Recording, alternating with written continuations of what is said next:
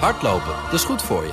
En Nationale Nederlanden helpt je daar graag bij. Bijvoorbeeld met onze digitale NN Running Coach... die antwoord geeft op al je hardloopvragen. Dus, kom ook in beweging. Onze support heb je. Kijk op nn.nl slash hardlopen.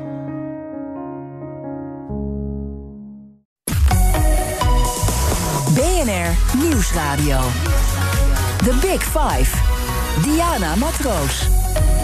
Welkom bij BNR's Big Five van het coronaslagveld. Dan heb ik het niet over het aantal besmettingen, IC-opnames en overledenen, waar we het elke dag over hebben. Want los van dit drama komt er op de langere termijn nog veel meer ellende op ons af. Eh, ik noem even wat zaken: armoede, eenzaamheid, depressie, geweld, scheidingen, jongeren zonder uitzicht of kwalitatief goed onderwijs, ondernemers die alles kwijtraken. En daarom deze week: wat voor slagveld richt corona aan op de lange termijn in onze samenleving?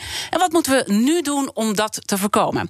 Deze week trap ik af met de invloedrijkste Nederlander, kroonlid van de SER en directeur van het Sociaal en Cultureel Planbureau, Kim Putters. Van harte welkom, fijn dat je er bent. Goedemorgen. Ik vraag me dan wel eens af, voel je als invloedrijkste Nederlander wel eens machteloos? Ja, nou in deze periode iedere dag wel een, wel een beetje. En uh, ja, je probeert te doen wat je kunt om, uh, om te helpen, te, ja, nou, oplossingen aan te dragen. Maar het is soms wel een beetje een machteloos gevoel. Ja. ja bij welke aspecten voel jij je machteloos? Nou, wat ik echt uh, vreselijk vind om te zien is dat de eenzaamheid onder ouderen toeneemt. En dat er heel veel alleenstaande ouderen zijn die niet iemand om zich heen hebben. en ja, dus echt wel steeds meer geïsoleerd raken. het perspectief van jongeren. Je wilt toch dat jongeren ook toekomst zien, uh, een opleiding kunnen gaan volgen en uh, zien dat ze daar iets mee kunnen in de samenleving. En als ik het helemaal op mijn eigen situatie betrek, dan vind ik het heel erg ingewikkeld dat ik um, ja, steeds minder contact, gewoonweg met onze eigen onderzoekers en onze medewerkers bij het Sociaal en Cultureel Planbureau heb. We proberen online zoveel mogelijk contact te houden. Maar ja, dat praatje op de gang, uh, bij het koffieapparaat, weten dat iemand zich misschien niet zo lekker voelt, dat zit er allemaal niet meer zo in. En daar voel ik me persoonlijk soms heel machteloos bij. Ik merk ook aan iedereen dat die tweede golf gewoon veel en veel moeilijker is. Hè. Die eerste golf werden we nou ja, toch overvallen. Het was een soort van spannend. Wat gaat er gebeuren? Gaat de wereld misschien allemaal veranderen in positieve uh, zin? Vind jij die tweede golf ook lastiger nu als het gaat hoe je dat met je mensen doet? Ja, ik vind het na de zomer zwaarder. En ik denk dat dat uh, komt omdat we toch allemaal hoopten dat na de zomer uh, het er weer wat beter uit zou zien. En dat we het wat meer onder controle hadden. Uh, mm-hmm. En toch niet opnieuw zo'n grote uitbraak van besmettingen uh, hoopten te zien. En dat zien we nu wel. Dus we moeten opnieuw terug in beperkingen. Uh, minder vrijheid, meer thuiszitten. En dat valt heel zwaar. En dat, daar moeten we wel een les uit trekken, denk ik. Want um, het is heel goed mogelijk dat dit nog een paar keer zou kunnen gaan gebeuren. Ook als zometeen ja, de besmettingen weer afnemen. En als we iedere keer weer terug moeten in minder vrijheid en minder beperkingen, dan wordt het ook steeds zwaarder. Dus we zullen toch een manier moeten vinden, zolang dat coronavirus onder ons is, om daar mee te leven en niet iedere keer zo'n terugval te ervaren. Maar dat is heel erg lastig. Ja. We hebben natuurlijk die tweede lockdown, die hangt steeds boven de markt, uh, om het zo maar te zeggen. En ik weet dat eerder de SER Denktank daarover heeft gezegd, onder leiding van Mariette Hamer, maar jij denkt daar ook in mee. We moeten alles doen om zo'n tweede lockdown te voorkomen, want als we daarin gaan, dan is het niet meer te overzien. Ja, de, consequentie daarvan is dat natuurlijk heel veel opnieuw stil komt te liggen. Dat ligt het nu al. Maar goed, uh, een groot aantal bedrijven kunnen nog werkzaamheden voortzetten. Uh, er gebeuren nog dingen in het onderwijs. Uh, in de verpleeghuizen kunnen we nog op bezoek bij onze ouderen. Als dat allemaal opnieuw niet meer zou kunnen, ja, dan komt er wel heel veel van ons maatschappelijk en economisch leven opnieuw stil te liggen. Bedrijven die ja, net een beetje weer eruit aan het komen waren en die dan toch weer opnieuw stil liggen. Ja, dat is natuurlijk dat is moeilijk te overzien wat daar dan allemaal de consequenties consequenties van zijn. Dus ja, als je het kunt voorkomen door goede afspraken, door goede regels met elkaar na te leven, dan is dat natuurlijk altijd beter. Ja, en, en natuurlijk moeten we het onderzoek allemaal nog doen wat er op ons af gaat komen. Maar als jij gewoon, hè, want het Sociaal Cultureel Planbureau die kan die thermometer in de samenleving steken van hoe gaat het? Uh, op het moment dat die tweede lockdown er toch gaat komen, wat staat er dan op het spel voor de samenleving? Nou, ik kan het heel goed schetsen. Eh, sommigen waren daarover verbaasd toen wij vlak na de zomer toch uit ons onderzoek melden dat heel veel mensen aangaven het nog wel oké te hebben. En er mhm. eigenlijk tot op heden wel redelijk doorgekomen te zijn. Dat betekent niet dat wij geen last van hebben van de beperkingen die ons opgelegd worden. Maar dat we ons vooral zorgen maken over de echt kwetsbare mensen. De ouderen, de mensen met beperkingen. En dat we toch nog wel hoop hadden van nou, hier komen we wel doorheen. Ehm, maar onder de radar speelt natuurlijk bij heel heel veel mensen meer eenzaamheid. En speelt bij heel veel mensen dat ze geen contact meer hebben, misschien met hun vrienden of niet meer bij hun ouders op bezoek kunnen. En als dat heel lang onder de radar, noem ik het maar, doorcijpelt, dan gaat dat aan ons knagen. En dan worden we toch iets somberder en dan zien we de toekomst toch iets minder positief tegemoet. En dat kan zeker natuurlijk bij een tweede lockdown een sterker gevoel van somberheid aan heel veel mensen geven. Om maar een voorbeeld te geven. Dus ik maak me zorgen over eenzaamheid, psychische druk, somberheid en het toekomst toekomstperspectief wat mensen dan nog zien. Ja. En dan uh, zit jij natuurlijk ook bij de overleggen met onze premier, uh, bij het Katshuis, waar uh, gesproken wordt. Afgelopen vrijdag was er ook groot nieuws van Putters en, en Bruls schuiven aan bij het kabinet.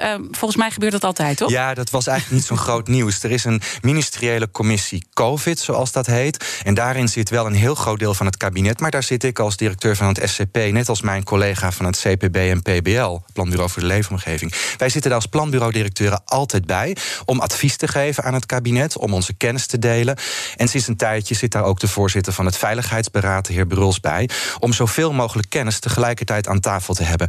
En het was eerlijk gezegd gewoon toeval en logistiek dat afgelopen vrijdagochtend die ministeriële commissie voorafgaand aan de ministerraad ja, plaatsvond. Mooi, mooi hoe dat nieuws dan gaat uh, rollen. Uh, toch was het wel een bijzonder momentum, hè, want we zitten nu gewoon in een hele spannende fase. Hoe ga jij dan zo'n overleg in? Met wat in, in de zak? Welke boodschap? Wil jij dan echt meteen op tafel hebben? Ja, de boodschap die ik heel consequent heb, is dat de maatschappelijke gevolgen van deze crisis in beeld moeten blijven. En dan heb ik het dus niet alleen maar over uh, dat er economische recessie is en aankomt. Ik heb het ook niet alleen maar over de besmettingen, maar vooral over wat dit op langere termijn uh, doet met mensen. Dus bijvoorbeeld die emotionele eenzaamheid van ouderen, die langzaam maar zeker verdubbeld is en groter wordt. Dat is een heel ernstig probleem voor een hele grote groep ouderen in onze samenleving. Uh, maatschappelijke gevolgen betekent ook dat jongeren uh, die geen contacten meer hebben met anderen, of in ieder geval niet fysiek contacten meer hebben met anderen, dat die ook stress ervaren en psychische druk ervaren. Hun stageplekken zijn er vaak niet meer. Ze zijn hun baantje in de horeca kwijtgeraakt. Ze ontmoeten geen medestudenten en krijgen alleen nog online onderwijs. Het maatschappelijke gevolg daarvan is, is dat zij in hun ontwikkeling toch beperkt worden. Nou, en die gevolgen van deze crisis, uh, ja, die probeer ik steeds op tafel te leggen. En ook mee te denken over wat dan mogelijke oplossingen kunnen zijn. Of hoe je die ouderen en die jongeren dan toch kunt helpen. The Big Five. Diana Matroos. Deze week praat ik met vijf kopstukken die de lange termijn gevolgen van corona overzien, of in ieder geval ook willen agenderen. Mijn gast vandaag is Kim Putters. Hij is directeur van het Sociaal Cultureel Planbureau. Um, je gaf al eventjes aan uh, hoe jij dan zo'n vergadering uh, ingaat, waarbij je zegt: volgens mij eenzaamheid onder ouderen is het allergrootste probleem. Mag ik dat zo zeggen? Nou ja, het is natuurlijk een beetje vanuit welke groep mensen je kijkt. Maar ik vind eenzaamheid, die is wel echt verdubbeld in de afgelopen maanden. Dus even, even qua getallen. We hebben 1,2 miljoen 75-plussers in ons land. En daarvan is ongeveer 340, 350.000 mensen geven aan... dat zij echt een stuk eenzamer zijn geworden. En dat betekent niet zozeer alleen maar dat je weinig mensen ziet... maar het gaat om emotionele eenzaamheid. En dat betekent dat jouw betekenisvolle contacten er niet meer zijn. Dus bijvoorbeeld dat je je kleinkinderen niet meer kunt zien of kunnen knuffelen. Dat je niet meer met je beste vriendin kunt gaan bridgen. Uh, dat je het goede gesprek niet meer hebt. Nou, dat is natuurlijk, die eenzaamheid is voor die groep wel heel ernstig, ja. Ja, en dat schets je eigenlijk ook bij jongeren, maar dan op een andere manier. Hè. Jongeren worden af en toe een beetje weggezet van wat vervelend dat ze zich niet aan maatregelen nou ja, houden. Ook, maar... Nou ja, ook jongeren voelen zich al eenzamer. Maar wat wij uh, afgelopen zomer zagen, maar goed, in de zomerperiode waren er natuurlijk wat versoepelingen van maatregelen. Was dat veel jongeren wel aangaven van, nou ja, wij zijn al heel erg gewend om digitaal contact te hebben en op mm. allerlei andere manieren dan per se elkaar te ontmoeten, toch contacten te hebben.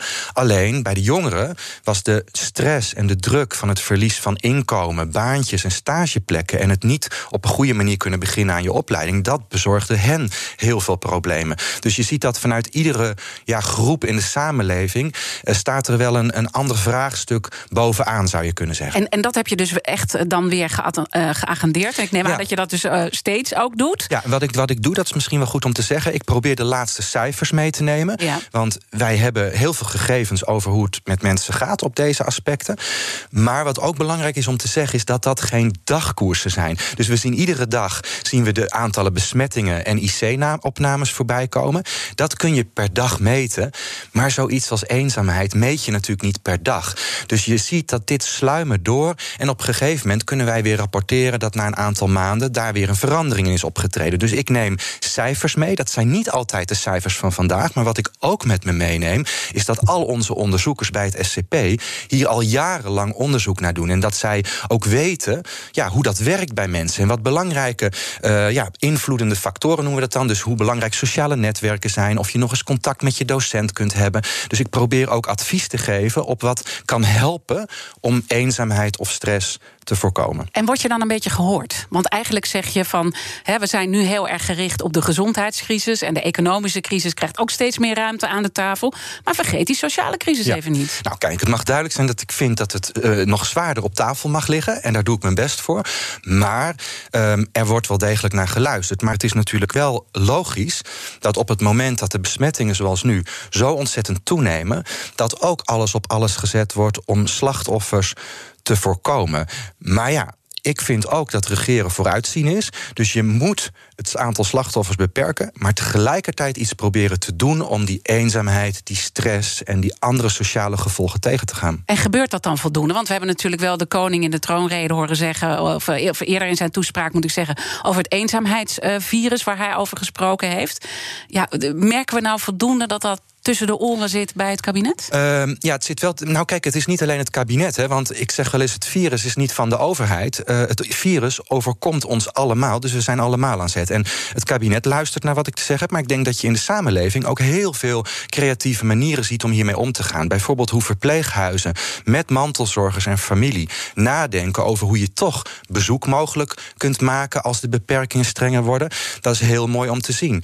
Uh, het kabinet kan ervoor zorgen om mantelzorgers mantelzorgers ook beschermend materiaal te geven op het moment dat die besmettingen weer toenemen. Ja, want mantelzorg is een groot gat wat nu valt. Hè? Dat, is, dat is een gigantisch aantal. Ja, ik heb ook dit in de afgelopen weken nog maar eens stevig onder de aandacht gebracht. Um, en ik weet niet of mensen dat weten, maar we hebben in ons land bijna 5 miljoen mensen die in meer of mindere mate mantelzorg verlenen. En sommige mensen doen dat een uurtje of twee uur per week. Maar een heel groot deel van deze groep doet dat meer dan acht uur per week gedurende een hele lange periode. Als dat niet meer kan, dan is niet alleen degene die die zorg ontvangt de klos, maar ook degene die die zorg geeft. Want dat doe je vaak voor je familie, uit zorgzaamheid, uit liefde en om ervoor te zorgen dat het goed met ze gaat. Dus als je op de een of andere manier kunt bereiken met voldoende beschermend materiaal, met goede bezoekregelingen in verpleeghuizen, dat dat mogelijk blijft, ja, dan heb je zoveel gewonnen in termen van sociaal contact en het bestrijden van eenzaamheid. Dat is echt de moeite waard. Nou zeg jij van, er wordt wel naar mij geluisterd. Hè, en uh, we worden gehoord als het gaat uh, om dit probleem. natuurlijk. Hè, dus dat, nou ja, ik zit toch een beetje van... Kijk, als ik dan gewoon kijk wat er naar buiten komt... en als ik gewoon kijk naar de samenstelling van het OMT ik, heb weer even die lijst zitten bekijken. Daar zitten alleen maar uh, medische experts in en virologen. Kijk, um, Wordt er dan echt wel geluisterd? Dit een, want... Nou, ik ben wel blij met die vraag eigenlijk, omdat dat is een steeds terugkerende discussie. Kijk, zoals ik er naar kijk, uh, moet een kabinet dat moet regeren zoveel mogelijk adviezen om zich heen te verzamelen uit, verzamelen uit zoveel mogelijk hoeken en daar een goede afweging in maken.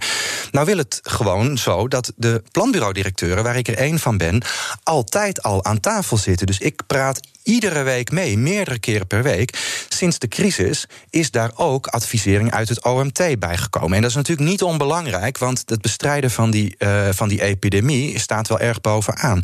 Maar wij zijn niet gestopt met adviseren. En het kabinet is niet gestopt om die adviezen bij elkaar te leggen.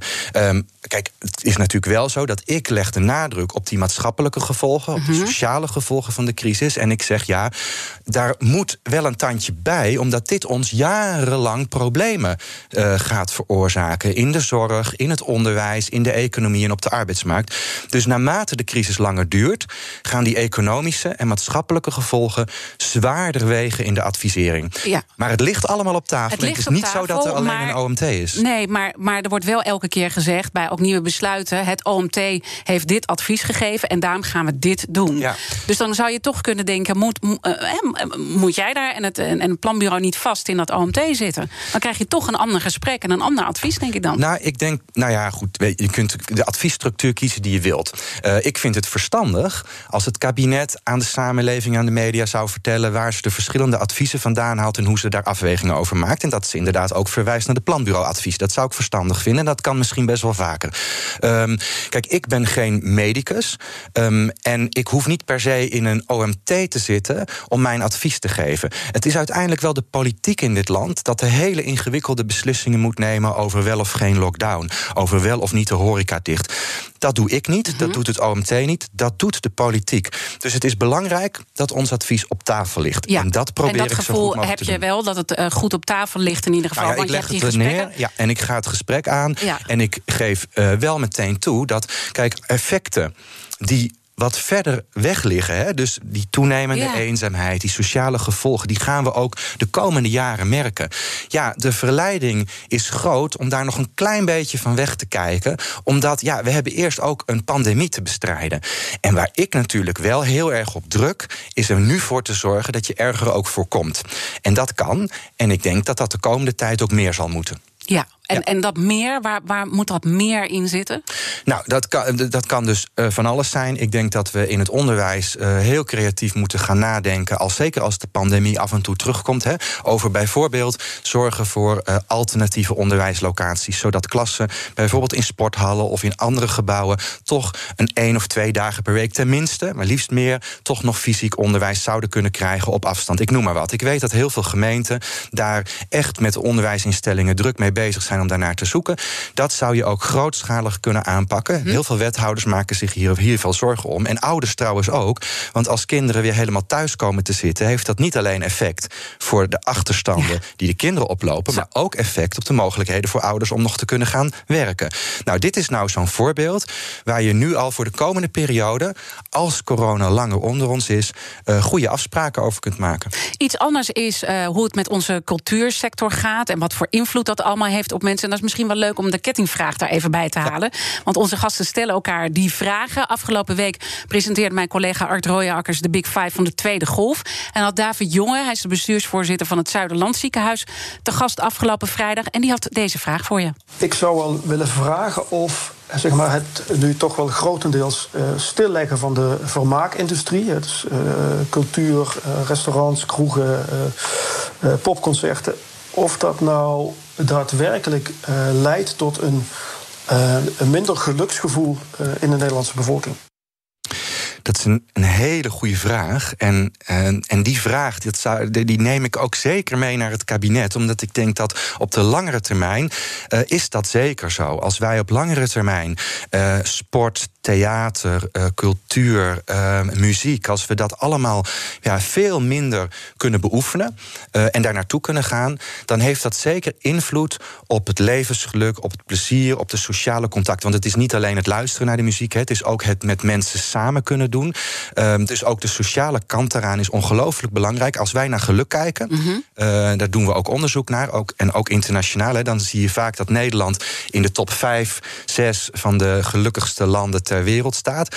Wij zien dat voor Nederland uh, vorig jaar nog gemiddeld uh, mensen hun leven een 7,8, 7,9 geven. Dat is hoog internationaal. Zeker. Maar we zagen dat er al problemen waren. Want als je kijkt naar dat gelukscijfer nu, dan zie je dat de verschillen in de bevolking al veel groter waren dan tien jaar geleden. Dus je moet het zo zien dat tien jaar geleden zaten al veel meer mensen zo rond die 7,8, 7,9. En we zagen in de laatste jaren dat veel meer mensen hun gelukscijfer een, een, rond de zes gaven, maar ook veel meer rond de acht of zelfs een negen. en dat zegt iets. En dat betekent dat als het ware de verschillen, of de scheidslijn, of de kloof in de samenleving van mensen die, nou ja, onder andere door wat ze allemaal kunnen ondernemen, uh, dat ze een goede positie in de samenleving hebben, uh, sport kunnen beoefenen, muziek kunnen luisteren, naar evenementen kunnen gaan, en anderen die dat veel minder kunnen, dat dat ook invloed heeft op je geluksgevoel. Nou, nu komt corona daarbovenop. Ja, nu zitten we er allemaal mee, dus je mag echt wel veronderstellen dat in de komende tijd het ook een effect zal hebben op dat gelukscijfer.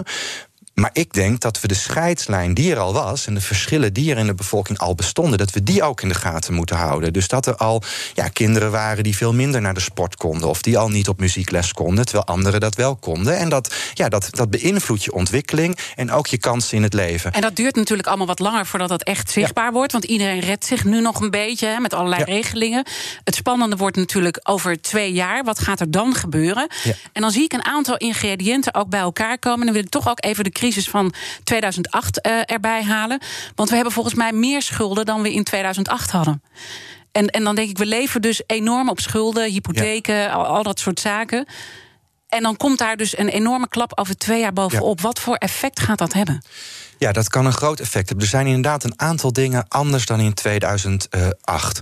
Um, um, bijvoorbeeld ook een, schulden, maar wat ook uh, een veel groter aantal werknemers dat in een onzeker of flexibel contract op de arbeidsmarkt zit. En dat heeft natuurlijk ook een enorme impact, want de grote hoeveelheid ZZP'ers, flexwerkers, tijdelijke medewerkers uh, dat aan de kant is komen te staan al, is groot. Mhm. Maar door de steunmaatregelen zijn er nog heel veel mensen wel aan het werk. Maar bij een tweede lockdown en mogelijk minder steun in de toekomst, zal dat deel ook het risico lopen zijn baan te verliezen. Nou, dat heeft een langere doorwerking. Want als het lastiger wordt om nieuw werk te vinden, uh, bijvoorbeeld mensen op hogere leeftijd of mensen met een arbeidsbeperking die heel veel moeite hebben om aan het werk te komen, ja, dan gaat dat uiteindelijk ook jouw kwaliteit van leven en jouw kansen op de toekomst natuurlijk beïnvloeden.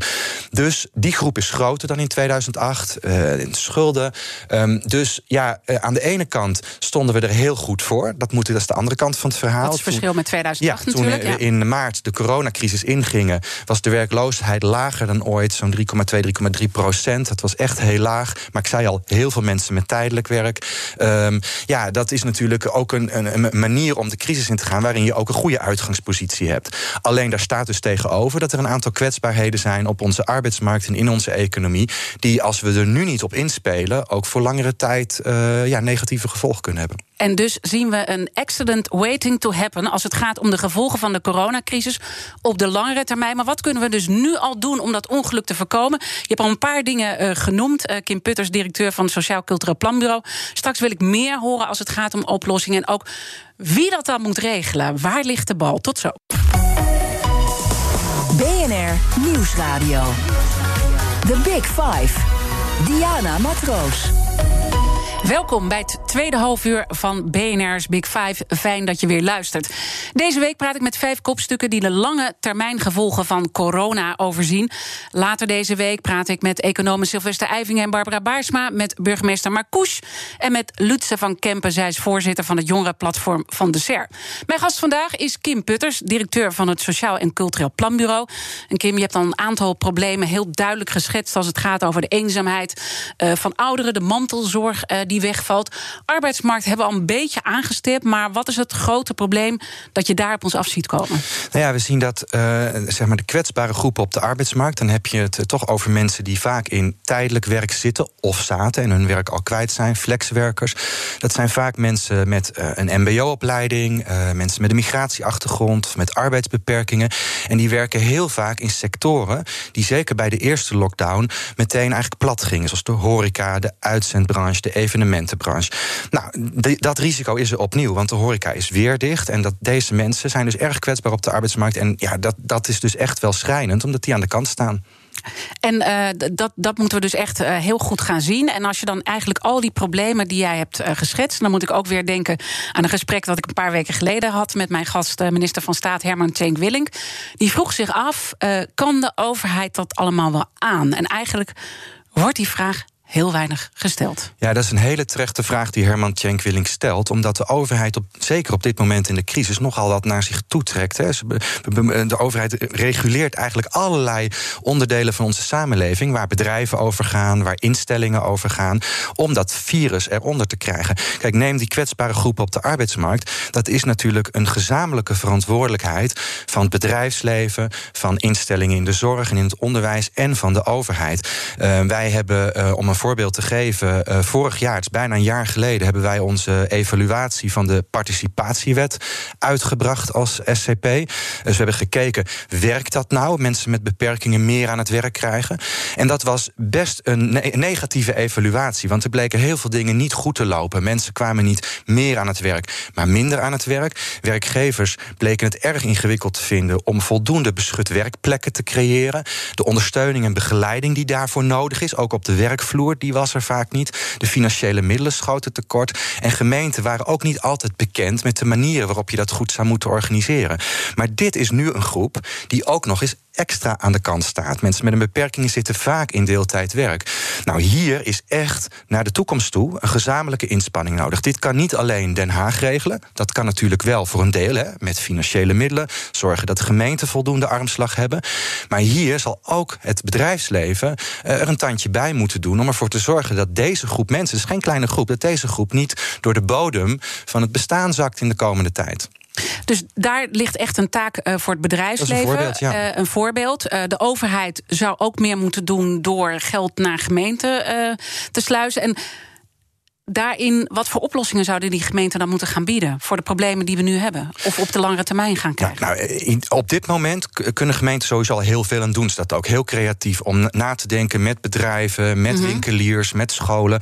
Hoe zo goed en zo kwaad als het kan de zaak open kan blijven. Maar voor de langere termijn, voor zo'n groep als mensen met arbeidsbeperkingen, zullen gemeenten echt goed in overleg moeten zijn met hun bedrijven, met hun instellingen in hun gemeente en in hun regio. Moeten zorgen dat er voldoende plekken komen. Dat kunnen gemeenten ook vaak niet alleen. Dus daar is weer samenwerking in de regio voor, voor, nodig.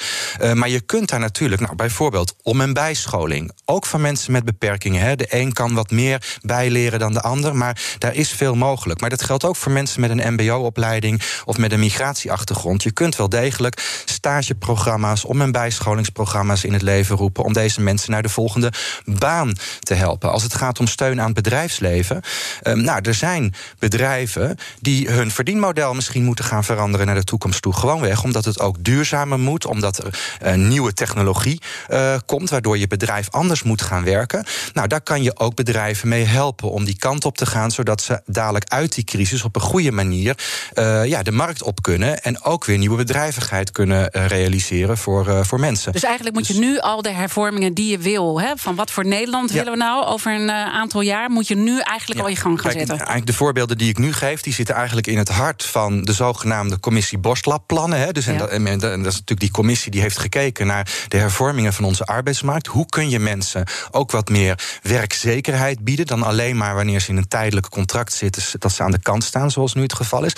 Nou, die plannen, ja, die zou je, daar zou je versneld mee aan de slag moeten. Daar is het kabinet ook mee bezig. Maar de crisis die dwingt ons wel om die hervorming van de arbeidsmarkt versneld op te pakken ander element is die hervorming van onze economie. Er is natuurlijk al heel wat aan plannenmakerij geweest om onze economie duurzamer te maken, om te investeren in topsectoren, om uh, de kennisintensieve industrie te versterken. Ja, dat is nu ook extra nodig om ervoor te zorgen dat we juist investeren in die sectoren die kansrijk zijn na de crisis. Dus nou, zou je ook uh, moeten zeggen moet halen, uh, ja. dat je die steunpakketten die er nu vanuit de overheid steeds zijn, dat die veel meer gekoppeld gaan worden aan die hervormingen. Ja. Doe je mee, dan kan je geld krijgen. Doe je niet mee, dan ja, je ziet natuurlijk dat de eerste ronde steun uh, logischerwijze erg op gericht waren om zo veel mogelijk banen te behouden in ons land en zoveel mogelijk de economie door te kunnen laten draaien.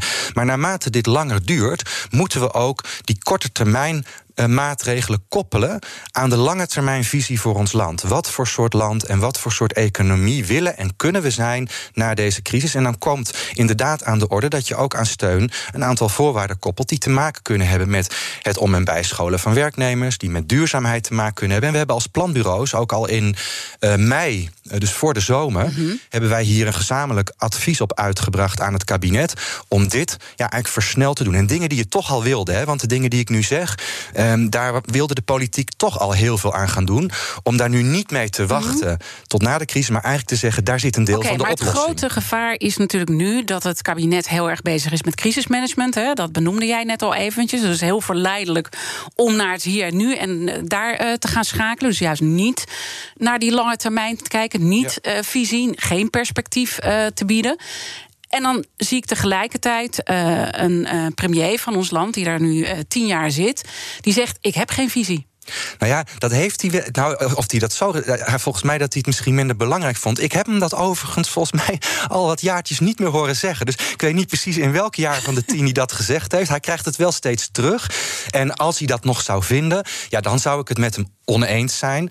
Want ik denk dat juist in een crisis hebben we toekomstperspectief nodig. We hebben een beeld nodig van waar we heen bewegen. En dat gaat over het type economie dat we willen zijn. Mm-hmm. Maar ook bijvoorbeeld over hoe we met kwetsbare groepen in onze samenleving omgaan. We noemden net mensen met beperkingen. We hebben ouderen besproken. De manier waarop we met hen omgaan, ook in crisistijd, zegt natuurlijk ook iets over hoe we met welvaart en welbevinden in ons land omgaan. En heel veel mensen maken zich zorgen om die kwetsbare ouderen. Dus we zullen ook een toekomstperspectief mm-hmm. voor de zorg moeten schetsen, bijvoorbeeld. Okay. En uh, je zegt, hij heeft niet meer gezegd, ik heb geen visie. Maar als je gewoon heel eerlijk kijkt wat er nu uh, in de samenleving gebeurt... aan welke knoppen er wordt uh, gedraaid, hoe er wordt gecommuniceerd... dat er wel door de koning wordt gezegd dat we op moeten passen voor het eenzaamheidsvirus... maar dat hij wel op vakantie gaat. Hè. Dan, nou ja, daar heeft hij ook wel de nodige kritiek voor gekregen. Daar is de premier ook bij betrokken. Vind je nou daadwerkelijk dat het perspectief en dat samen... door de huidige leiding van ons land goed uitgedragen wordt?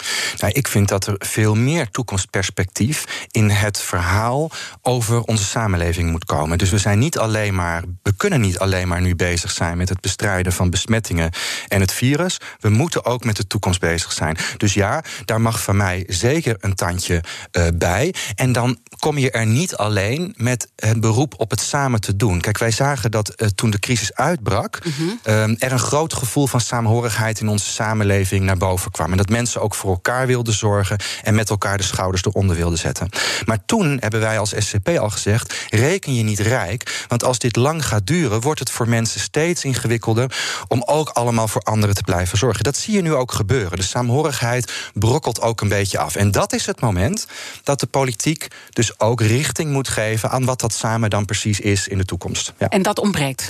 Nou, het ontbreekt. Ontbreken is een heel groot woord. Ik vind dat het wel een tandje steviger mag. Ja, ja het is dus te weinig wat er uh, nu op ja, dit omdat, moment gebeurt. Omdat ja? we als we in crisis zitten, we hebben het net gehad over mensen die ook in stressvolle posities kunnen zitten, die psychisch in de problemen raken, die eenzamer worden. Die hebben ook een beeld nodig van naar wat voor samenleving we eigenlijk toe willen met z'n allen. Dat we er nog niet zijn, dat mag duidelijk zijn. We zitten allemaal thuis aan de keukentafel. Maar dat we ergens naartoe bewegen, wat meer is dan alleen maar een virusvrije samenleving, ja, dat wordt nu heel belangrijk de komende maanden. Ja. En zit dat dan met name in de dingen die we anders moeten gaan organiseren? Of zit dat ook hoe we communiceren met de samenleving? Want daar is natuurlijk ook wel um, de nodige kritiek op dat bepaalde groepen niet eens meer worden bereikt, die niet naar de persconferenties kijken of bepaalde begrippen ook uh, niet begrijpen. Jij kent die samenleving heel erg goed. Ja, ik denk dat het heel erg belangrijk is om om beide te doen. Dus, dus we moeten ook onze toekomst een beetje in de hand nemen. En dus die mm-hmm. plannen die we al wilden naar voren halen. Dus dat, daar hadden we het eigenlijk net over. Dus je moet het ook in je beleid laten zien. Maar natuurlijk moet je mensen zien te bereiken. En dan is het belangrijk om te realiseren dat niet uh, iedereen zich in alle situaties altijd aan alle regels bijvoorbeeld kan houden. Hè. Dus die anderhalve meter uh, voor mensen in de zorg, voor mensen met een beperking, mensen met dementie. Er zijn heel veel mensen die überhaupt die anderhalve meter niet begrijpen of niet kunnen handhaven. Dat zijn dus niet allemaal mensen die boos zijn of die complot denken of die niet willen. En ik zou het voor de communicatie van de overheid heel belangrijk vinden om onderscheid te blijven maken tussen mensen die het samen wel degelijk willen doen, de schouders eronder willen zetten, maar het soms even niet kunnen. En mensen die moedwillig zeggen: ik doe het niet. Dat, dat zou wel steviger kunnen in de communicatie. BNR Nieuwsradio. The Big Five. Diana Matroos. Je luistert naar BNR's Big Five van het coronaslagveld. Deze week kijken we op de lange termijn wat voor problemen er op ons afkomen en wat we nu moeten doen. Mijn gast vandaag is Kim Putters, directeur van het Sociaal en Cultureel Planbureau. Uh, je hebt al de aandachtspunten gegeven voor de overheid, voor het kabinet als het gaat om communicatie, dat perspectief meer helderder hebben, nu al hervormingen inzet. En daar noemde je ook het bedrijfsleven. Is het misschien mooi om daar ook iets over mee te nemen in de kettingvraag uh, richting de gast van morgen? Uh, dat is is uh, Sylvester Eivinger, die ik morgen te gast heb. Hij is hoogleraar financiële economie. Wat zou je vraag zijn aan hem? Nou, wat ik het, het mooie vind aan Nederland is dat wij een, een lange traditie hebben waarin het bedrijfsleven en de overheid gezamenlijk ook maatschappelijke vraagstukken aanpakken. En daar is Nederland, het Nederlandse poldermodel, natuurlijk ook bekend om. Nou, nou willen we onze economie graag hervormen naar een breed welvaartsbegrip, zoals we dat noemen. Dus niet alleen maar uh, aan materiële groei denken, maar ook aan het welbevinden van mensen en aan duurzaamheid. En ik zou Sylvester wel willen vragen uh, hoe hij denkt dat het breed welvaartsdenken over onze economie en onze samenleving, hoe dat zou kunnen bijdragen aan het bestrijden van kansenongelijkheid in de samenleving, die nu op de arbeidsmarkt, in de zorg en in het onderwijs door de coronacrisis ook steeds groter lijkt te worden. Dus mijn vraag is: hoe zou hij denken dat breed welvaartsdenken kan bijdragen om de kansenongelijkheid in onze samenleving aan te pakken? Oké, mooi. Ga ik uh, morgen meenemen. Uh, in ieder geval is duidelijk hoe jij dat uh, ziet. Dat we echt uh, uh, ons zorgen moeten maken over die kansenongelijkheid die er al was. En die dus door corona alleen nog maar groter ja. zal worden. Stel nou, we doen niks en we blijven in dat crisismanagement hangen en niet dat grote perspectief. Wat staat er op ons spel voor ons allemaal als samenleving?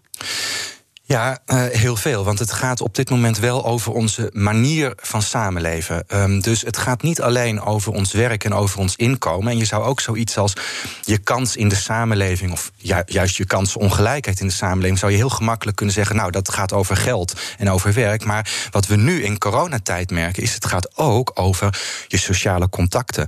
Of je kunt sporten, of je überhaupt de gelegenheid hebt om misschien naar buiten te gaan en ergens in de natuur te genieten of niet. Dus op dit moment merken we in ons sociale leven, in ons werk, maar ook in de natuur en wie er wel of niet toegang heeft tot als het ware een goede leefomgeving, merken we dat de verschillen in onze samenleving groot kunnen zijn en toe kunnen nemen. Dus wat er op het spel staat, is hoe we op al die terreinen ja, de samenleving leefbaar houden uh, voor iedereen. En dat is dus wel veel meer dan alleen de economie. Ja, en als we dan dat proberen concreter uh, te maken. ik moet dan toch weer even aan de gele hesjes denken. Ik, in, in Frankrijk. Ik moet ook even denken dat we voor corona al allerlei protesten uh, natuurlijk zagen. Van, van de boeren, van de leraren, uh, van de agenten. We kennen allemaal het, het rijtje.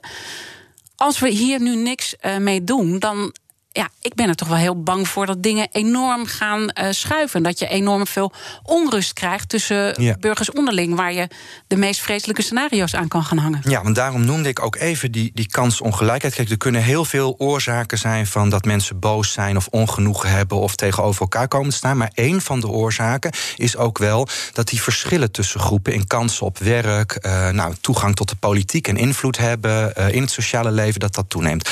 Dus ik denk dat.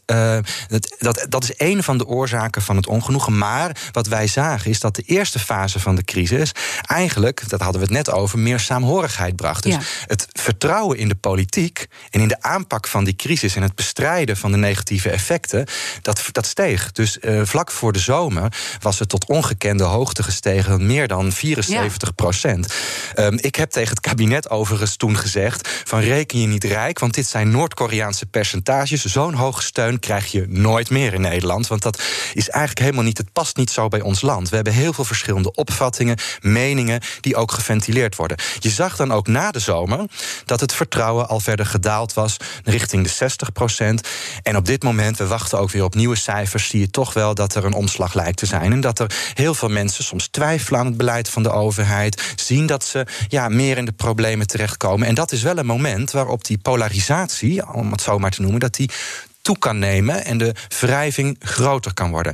Ik denk dat het dan vooral belangrijk is dat de politiek ja, probeert daarmee in gesprek te blijven. Maar laten we eerlijk zijn, daar zitten natuurlijk ook uh, groepen tussen waar heel moeilijk mee in gesprek te komen is. En bedreigen van politici en Kamerleden, dat past niet in een land als Nederland. Dus er zijn ook dingen die echt niet kunnen. Mm -hmm. Maar verder zijn er ook gewoon mensen die heel reëel boos zijn. Uh, ik zit ook uh, deze tijd regelmatig boos aan mijn keukentafel te werken, omdat het hem gewoon ook, weet je, soms even te veel wordt om alleen maar binnen thuis te zitten.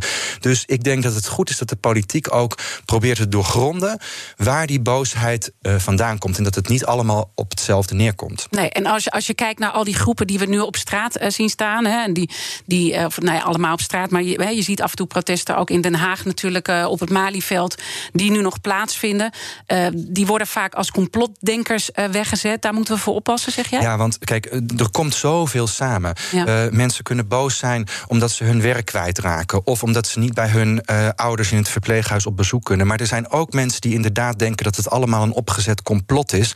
Um, en ja, dat kun je niet allemaal op één hoop gooien. Dus af en toe komt dat wellicht in een demonstratie of op straat samen. Maar het is echt niet allemaal hetzelfde. Um, en ik denk dus dat we moeten blijven ontrafelen waar mensen zich zorgen om maken. En of daar iets aan te doen valt. In plaats van het als een soort ja, uh, niet te stoppen fenomeen te zien. Dat mensen steeds bozer worden. Mm -hmm. Want dat is het niet. Er zijn, in Nederland is er een hele grote middengroep. Ja. die ook af en toe denkt van nou, hè, uh, dit is eigenlijk niet de goede koers van het kabinet, maar ook alweer goede dingen ziet. Dus er zijn ook heel veel genuanceerde Nederlanders die gewoon ook proberen om uit die crisis te komen. Ja, en dat, die middengroepen, dat heb je eerder gezegd, daar moeten we veel beter ja, ik naar denk luisteren. dat je die dus ook. Kijk, op, op het moment dat je uh, ook, ook, in de, ook zeg maar in de media vooral de uiterste in beeld hebt van mensen die inderdaad aan het demonstreren gaan, of mensen die juist denken van nou, dat kabinet, nou ja, er staan niet zo heel veel mensen continu te klappen, mm. dat gebeurt niet zo. Maar de, de grootste groep, uh, die zit toch vaak in het midden en die hoor je het minst. En het zou mij een lief ding waard zijn als we die mensen ook wat vaker aan het woord zouden horen. Want dat geeft denk ik een realistischer beeld van wat er bij heel veel mensen thuis leeft. Ja, en, en misschien ook goed om te realiseren dat we al sluimerend problemen natuurlijk hadden. Uh, daar heb je ook eerder uh, een boek over uh, geschreven. Dat was allemaal nog voor corona. En dat gaat ook over de hele technologische verandering waar we in zitten. En echt een verandering van tijdperk waar een heleboel mensen niet goed meer mee komen. Ja, ja. Nee, ik, ik, en het is in de geschiedenis vaker gebeurd hè, dat een pandemie uiteindelijk het duwtje gaf om echt een nieuw tijdperk in te gaan. En het is moeilijk om dat nu te zeggen of dat we daar nu middenin zitten. Maar het lijkt er toch wel op. We onze uh, economie en arbeidsmarktrelaties mm -hmm. veranderen. Onder andere door die technologie, digitalisering. We gaan heel anders werken. We communiceren anders dan dat we dat tien jaar geleden deden. De pandemie die dwingt ons nu ook nog eens om, om ons anders tot elkaar te verhouden. Ja, dat, dit is een fundamentele verandering in de manier waarop we met elkaar omgaan. En nou hopen we maar dat dat virus bestreden kan worden, zodat we een aantal dingen wel weer gewoon kunnen gaan doen. Maar die technologie en die digitalisering, die zetten door. En die gaan onze economie verder veranderen, maar ook ons sociaal leven verder veranderen. En je hebt het ja. ooit vergeleken met de overgang van de uh, boerensamenleving uh, uh, ja. naar de industriële samenleving. Ja, dat was ook zo'n moment dat we, naar, dat we zeg maar de grote industrieën kregen in Nederland en het werkende leven totaal veranderde. En zo'n ander moment was toen we zagen dat die industriële revolutie ook voor heel veel armoede zorgde. Er slechte arbeidsomstandigheden in fabrieken waren. Mensen ziek werden en geen gezondheidszorg kregen. En toen heeft de overheid die sociale kwesties opgepakt. En is de gezondheidszorg georganiseerd. En zijn er arbeidsvoorwaarden gekomen. En toen gingen we weer een ander tijdperk in. waarin de overheid veel van de dienstverlening op dat gebied ging doen. Nou, en ik denk dat we nu voor het moment staan. dat we weer opnieuw gaan kijken. En dat is wel heel belangrijk, want uh, de overheid, Herman Tjenk Willink zei het al. Uh, ja, die, die trekt nu heel veel dingen naar zich toe in deze crisis. Maar kan dat natuurlijk helemaal niet op lange termijn allemaal zelf regelen. En sterker nog, Ik denk dat wij dat als Nederlanders ook niet allemaal niet willen. We willen ook heel graag zelf dingen in de hand houden. We willen zelf bedrijven. Ja, dat is onze cultuur dan ook weer. Hè? Van bemoei je niet met al onze zaken. Ja, dus dat, dat tijdperk wat er aankomt na de crisis, daarin moeten wij weer opnieuw gaan bepalen. Wat willen we nou dat de overheid precies doet? Waar kan het bedrijfsleven verantwoordelijkheid voor nemen? En waar zijn we ook zelf verantwoordelijk voor? Dus ik denk wel dat dat er aankomt. Mm. Ja. En dan zie ik eh, de verkiezingen, waar we natuurlijk al uh, nou ja, gewoon in zitten, de aanloop daar naartoe, uh, de polarisatie die er al was, jouw waarschuwing uh, dat het veel erger kan worden als we niet op de goede knoppen drukken. ben je een beetje hoopvol op hoe de politiek dat doet? Want dat is elkaar natuurlijk wel een beetje vliegen afvangen. Um, nou, laat ik, laat ik eerst zeggen dat ik in, in Den Haag. Uh, bijna alleen maar uh, politici en bestuurders tegenkomt die zich echt grote zorgen maken en die alles op alles willen zetten om ons uit die crisis te halen. Alleen ze verschillen nog wel eens van mening over hoe dat zou moeten. En waar ik zorgen over heb, is dat uh, in de komende half jaar uh, politici op, op kleine onderwerpen tegenover elkaar komen te staan, terwijl we eigenlijk als samenleving verwachten dat er gezamenlijk de schouders ondergezet worden. Want de rek raakt er op een gegeven moment uit. Hè, en dan moeten de grote vragen waar wij het dit uur over gaan gehad hebben. Daar zou de politiek toch wel overeenstemming over moeten vinden. Um, en ja, daar zijn verkiezingen natuurlijk bij uitstek wel het moment voor. Maar ik ben ook realistisch en niet naïef. En dan, ja, dan proberen politici natuurlijk ook het betere idee te hebben en daar kiezers op te trekken. En dat is eigenlijk juist wat we niet nodig hebben. Ik denk dat uh, de partijen die laten zien dat ze er gezamenlijk de schouders onder willen zetten, wel eens heel veel draagvlak bij de Nederlandse bevolking zouden kunnen krijgen. Ik denk dat dat een, eh, een goede gedachte is om uh, in onze hoofden mee te nemen. En hopelijk uh, heeft de politiek ook een beetje meegeluisterd op dat punt. Ik wil je heel erg bedanken, directeur van het Sociaal Cultureel Planbureau, Kim Putters. En zoals gezegd, morgen praat ik verder met hoogleraar financiële markten, financiële economie, moet ik zeggen, Sylvester Eivinger. Dus ik hoop dat jullie dan ook zeker weer luisteren. Want dan ga ik helemaal met hem naar de economie en ook in Europees perspectief kijken wat er allemaal op de lange termijn op ons afkomt. Maar natuurlijk, BNR is de hele dag live. Zometeen Jurgen Rijman met het programma Ask Me Anything. En intussen wens ik iedereen een hele mooie dag. Business Booster. Hey ondernemer, KPN heeft nu Business Boosters. Deals die jouw bedrijf echt vooruit helpen. Zoals nu, zakelijk tv en internet, inclusief narrowcasting... de eerste 9 maanden voor maar 30 euro per maand. Beleef het EK samen met je klanten in de hoogste kwaliteit. Kijk op kpn.com businessbooster. Business Booster.